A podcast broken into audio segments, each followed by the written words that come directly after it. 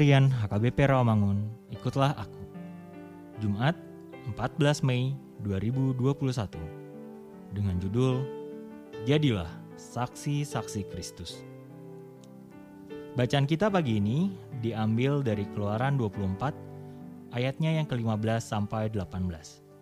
Dan bacaan kita malam ini diambil dari kitab Wahyu pasal yang pertama ayat 9 sampai 18 dan kebenaran firman yang menjadi renungan kita hari ini diambil dari kitab Kisah Para Rasul, pasalnya yang pertama, ayat ke-8. Yang berbunyi, "Tetapi kamu akan menerima kuasa kalau Roh Kudus turun ke atas kamu, dan kamu akan menjadi saksiku di Yerusalem dan di seluruh Yudea dan Samaria dan sampai ke ujung bumi." Demikianlah firman Tuhan.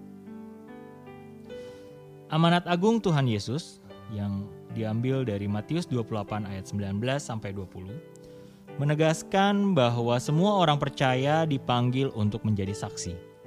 Simaklah ini. Tetapi kamu akan menerima kuasa kalau Roh Kudus turun ke atas kamu dan kamu akan menjadi saksiku di Yerusalem dan di seluruh Yudea dan Samaria dan sampai ke ujung bumi. Kisah Para Rasul 1 ayat 8. Inilah sebuah panggilan yang sangat penting untuk kita perhatikan. Pertama, sebagai saksi, artinya kita diminta untuk menceritakan kisah hidup kita. Bagaimana kasih dan kuasa Tuhan mampu memberi perbedaan dalam hidup kita selama ini. Kedua, menjadi saksi bukan tergantung pada kemampuan, seperti kemampuan berbicara, mengajar, dan menguasai Alkitab. Tuhan mengatakan bahwa semua itu merupakan pekerjaan Roh Kudus. Kita hanya perlu bersaksi, lalu kita serahkan kepada Roh Kudus untuk menginsafkan mereka. Ketiga, Roh Kudus akan memberikan kita kekuatan khusus untuk menjadi saksi. Ketika kita membagikan kebenaran firman dan kasih Tuhan pada orang lain, di sana akan ada kuasa Roh Kudus yang sedang bekerja dan sanggup mengubahkan kita dan orang lain. Bagi kita yang sudah terpanggil atau sedang menanti panggilan Tuhan, harus tetap mampu menjaga kekudusan kita dan selalu siap sedia.